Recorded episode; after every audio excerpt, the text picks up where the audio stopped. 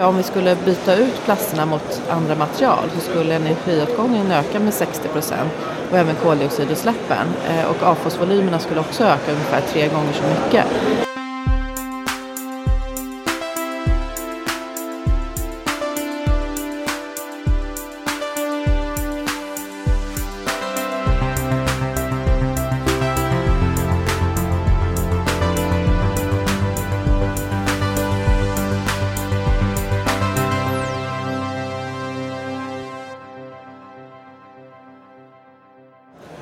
Man ICAN.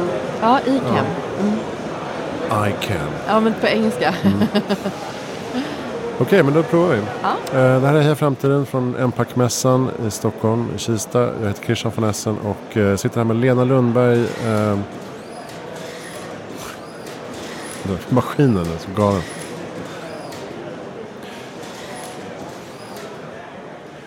Sitter här med Lena- Lena Lundberg från eh, organisation som heter ICAM. Välkommen till Heja Framtiden. Tack så hemskt mycket. Ansvarig för plastråvara. Ja. Eller plastråvarusamarbeten, eller vad säger man? Plastråvarufrågor säger. Plastråvarufrågor. Ska vi börja där då? Vad gör eh, ICAM? Ja. stora. Eh, ICAM vi är ju en bransch och arbetsgivarorganisation eh, för kemiföretagen eh, i vid bemärkelse. Eh, och här ingår både kemiföretag, plastföretag och andra materialleverantörer. Och det som är gemensamt för våra företag det är att de jobbar med kemi och innovation och också att man brinner för att lösa de här globala hållbarhetsfrågorna. Så det vi gör på kansliet är ju att vi jobbar med att få till ett bra investeringsklimat i Sverige för att de här internationella företagen ska vilja investera i Sverige eh, när de utvecklar nya produkter och nya material och de här olika lösningarna. Just det. För innovation, eller I står ju alltså för innovation. Innovations och kemiindustrierna Ja. i Sverige. Det är både en bransch och arbetsgivarorganisation så det är liksom två delar kan man säga. Och eh, vi uppkom ju för några år sedan med en sammanslagning. Och, eh, ja, det var då också vi tog det här namnet för att vi intervjuade våra medlemsföretag och vi upptäckte att alla håller på med innovation på ett eller annat sätt. Då, så det är något som förenar alla företagen. Nu pratar man ju väldigt mycket om plast eh, generellt. Tycker du att eh, plasten har fått lite dåligt rykte? Ja, det har de eh, definitivt. Eh, det är ett oförtjänt dåligt rykte och eh, många vet inte eh, all den nytta som plasterna gör. Eh, och det gäller också att både när det gäller att minska klimatpåverkan eh, så plasterna bidrar, om vi skulle byta ut plasterna mot andra material så skulle energiåtgången öka med 60 procent och även koldioxidutsläppen eh, och avfallsvolymerna skulle också öka ungefär tre gånger så mycket. Eh, Så att både ett, ja, så det är en st- en stor miljönytta faktiskt som plasterna gör. Det är också den här, mycket av den drivkraften som, som är för att vi ska eh, byta ut andra material mot plast. Just det, men, men är utmaningen då att dels ha fått bättre återvinningssystem som blir mer cirkulärt och dels använda färre gifter i tillverkning? Ja, egentligen handlar det, alltså den här frågan med, med gifter är, ska jag säga, den är inte någon speciellt stor fråga. Eh, utan det som framförallt handlar om det är att få till ett cirkulärt kretslopp. Eh, och, eh, och det jobbar vi jättemycket med. Att, och att vi ska få liksom att all plast ska återvinnas. Eh, Det är väldigt viktigt. Plus att vi kommer också ha förnyelsebara råvaror. Så att det blir mer, ja, mer hållbara råvaror egentligen. Så det är det som är vårt största fokus för branschen. Och hur, hur bra skulle du säga att den svenska branschen är på de här frågorna?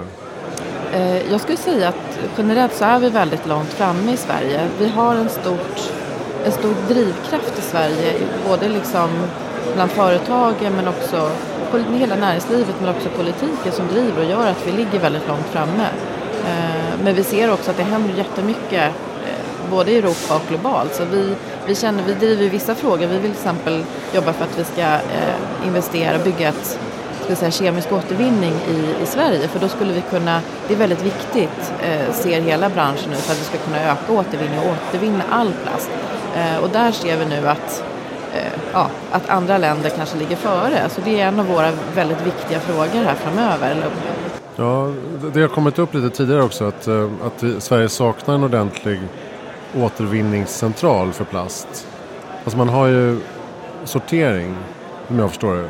Men därifrån måste man ändå hantera plasten. Alltså det finns ingen riktig central i Sverige där man faktiskt använder den återvunna plasten? Är det så? Det, det, man kan säga är att vi har ju satsat, näringslivet har satsat väldigt mycket på den här nya anläggningen i, i Motala och eh, den är ju liksom Europas modernaste eh, och en av de största. Och, eh, men det som det vi har gjort det är också att den är väldigt bra. Den sorterar precis som du säger. Men det som saknas idag det är att, den också, att vi också ska tvätta. Så det är ju, det är ju nästa steg för att den här Motalaanläggningen också ska kunna leverera eh, återvunnet som ska kunna användas i Sverige. För att annars som det är nu så, så blir det så att vi skickar ner det till framförallt till Tyskland där det tvättas och då blir det också där som vi använder den återvunna råvaran.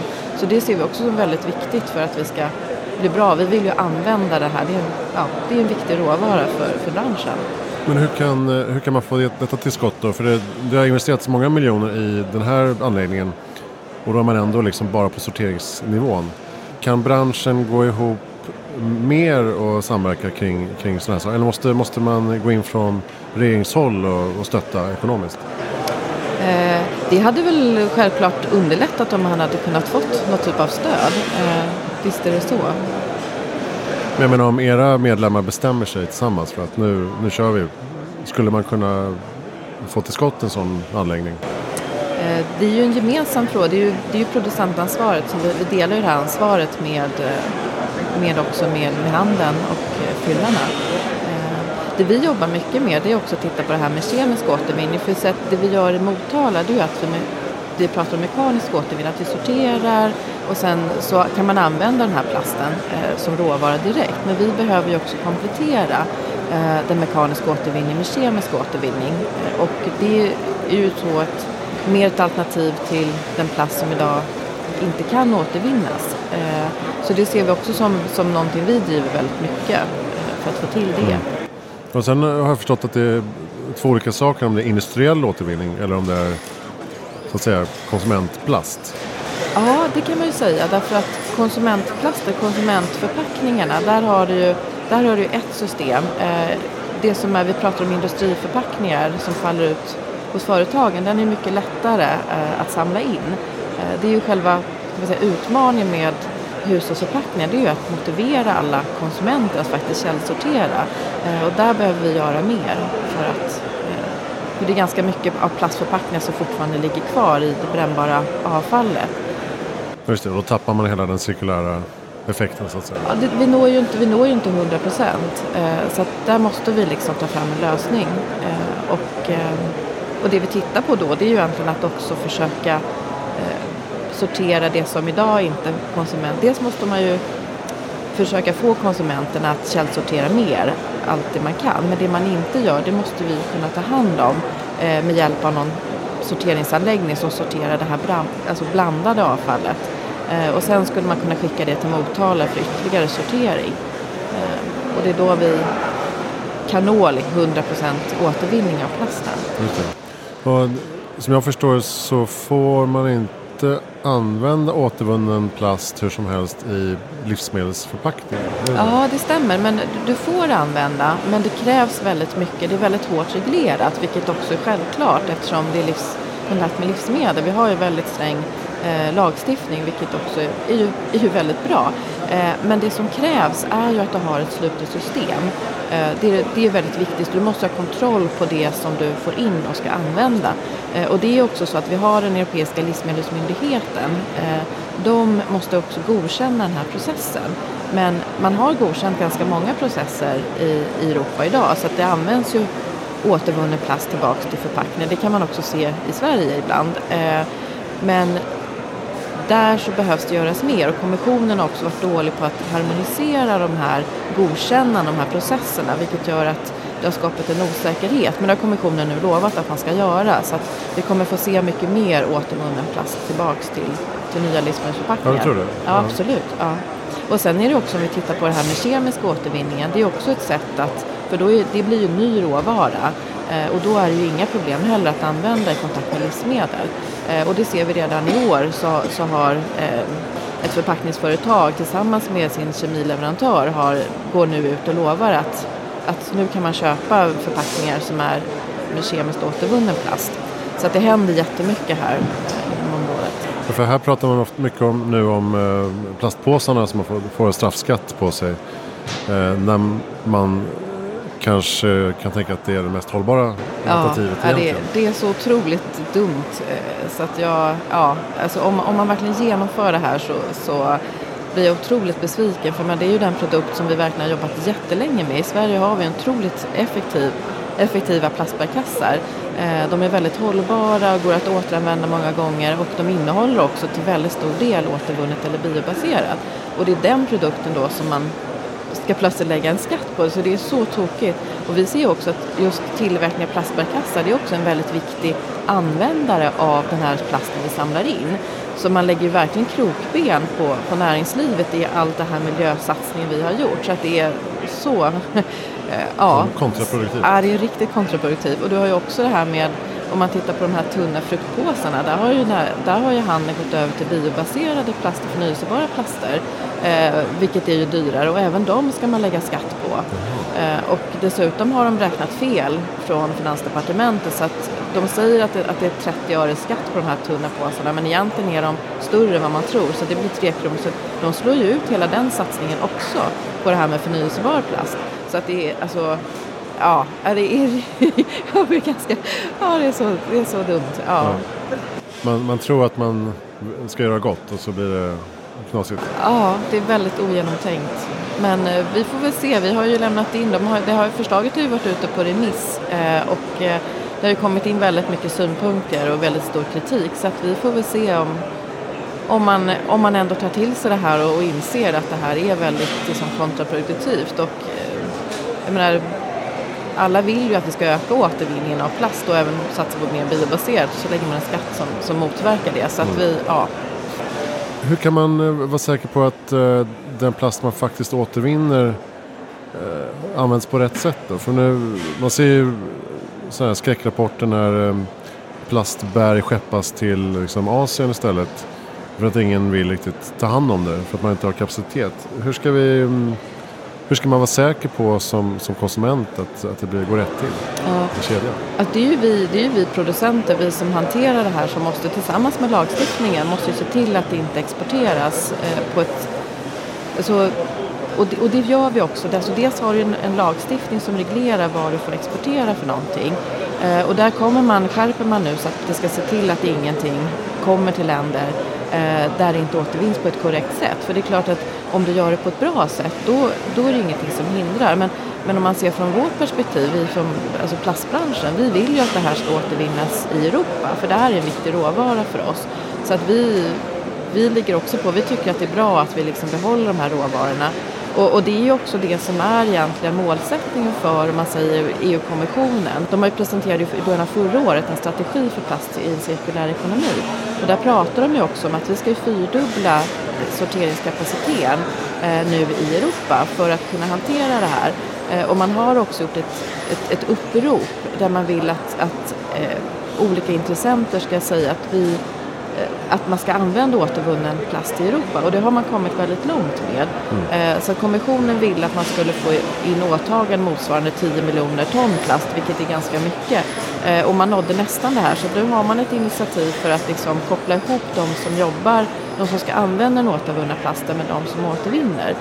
Så det här jobbas väldigt mycket med, så jag tror att det är förhoppningsvis så, så, så, har man verkligen täppt till hålen för att och det här ska inte ske. Liksom. Ja, det är inte okej. Okay. Men det handlar mycket om att samarbeta och, och prata över över gränserna så att säga. Ja det är det och, och också viktigt att liksom myndigheterna har kontroller för vad, både vad vi importerar utifrån från, från liksom övriga världen in till Europa. Där måste man ha kontroll så att vi inte får in sånt som vi inte använder.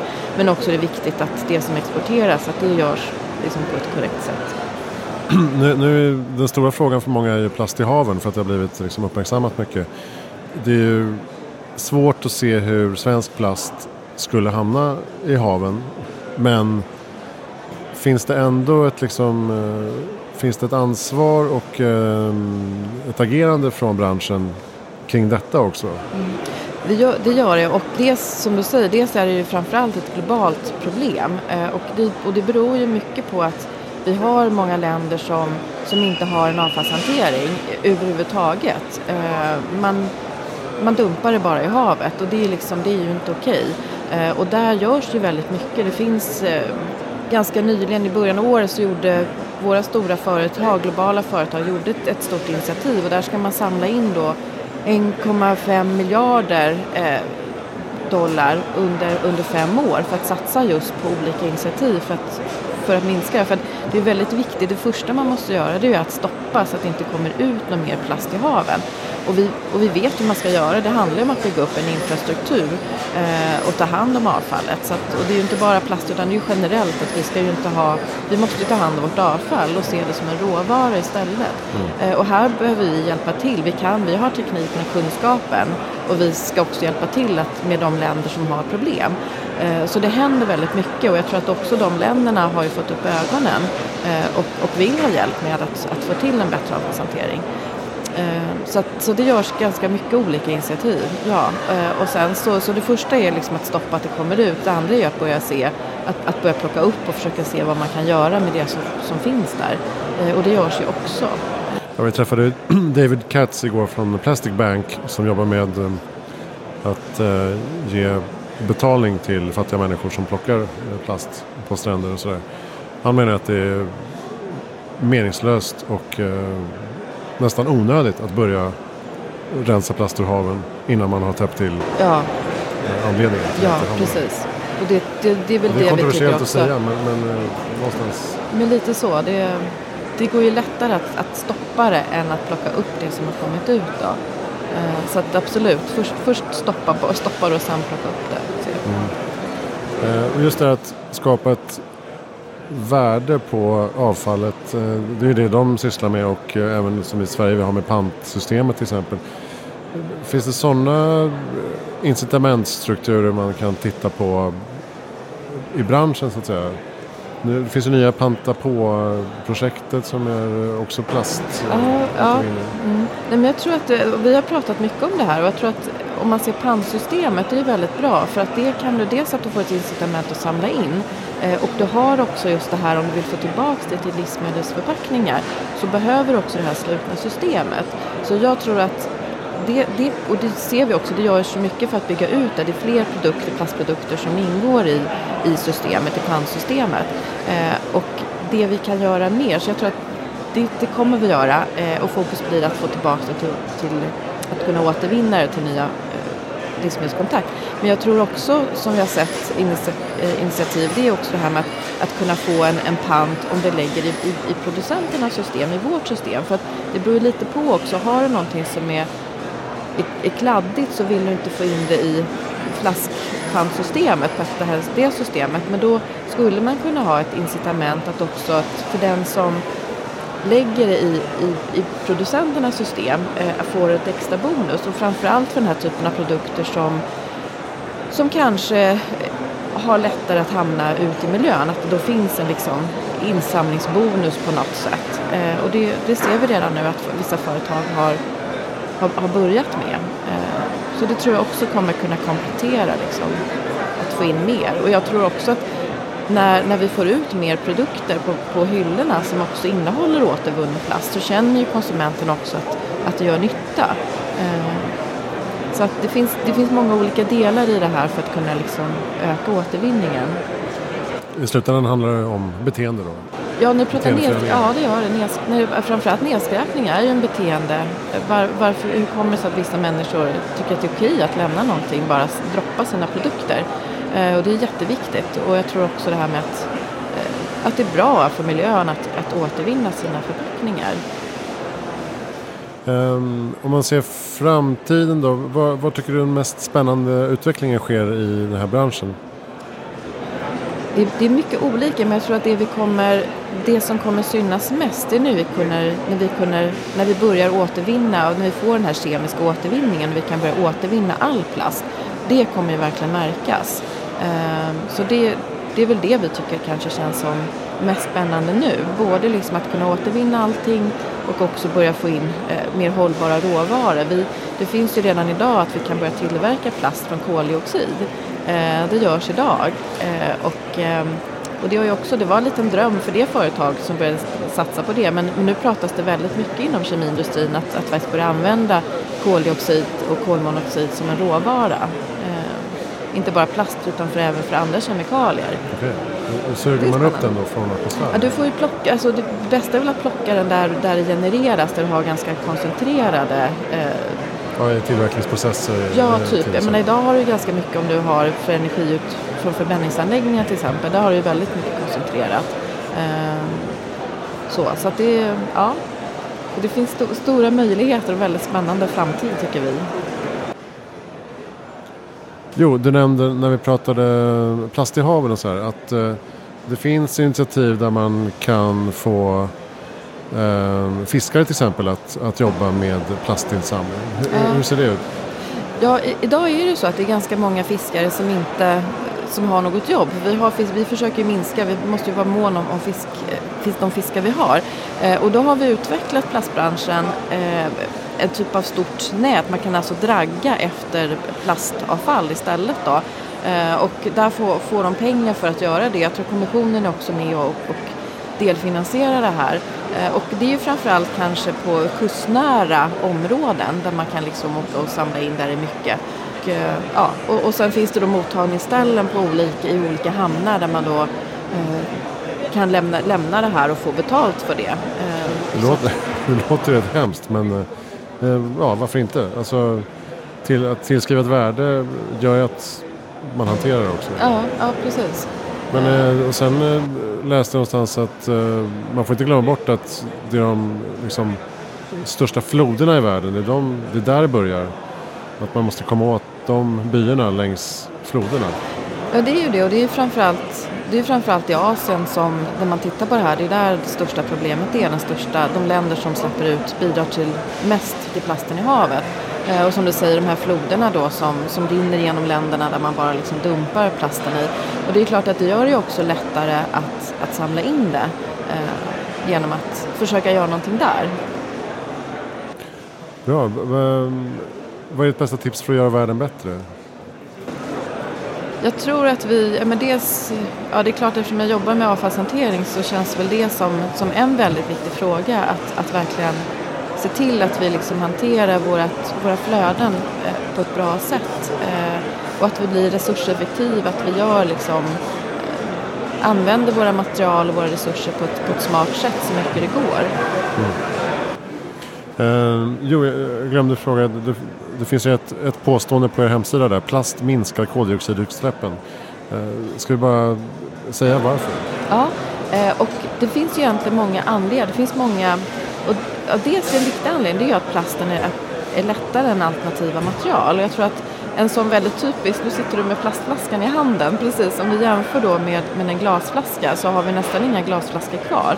Och det är ju på, på grund av att den här flaskan i plast den är ju ungefär bara en tiondel, väger en tiondel så mycket som i glas. Så att bara där sparar vi väldigt mycket eh, koldioxid. Eh, och, och det är liksom generellt när det gäller plast, plasterna. Eh, det gör ju bilar till exempel. Det finns ju stor drivkraft att, att minska vikten på bilar, minska drivmedel, flygplan också idag. Moderna flygplan tillverkas ungefär till hälften av, av liksom plast, plastkompositer.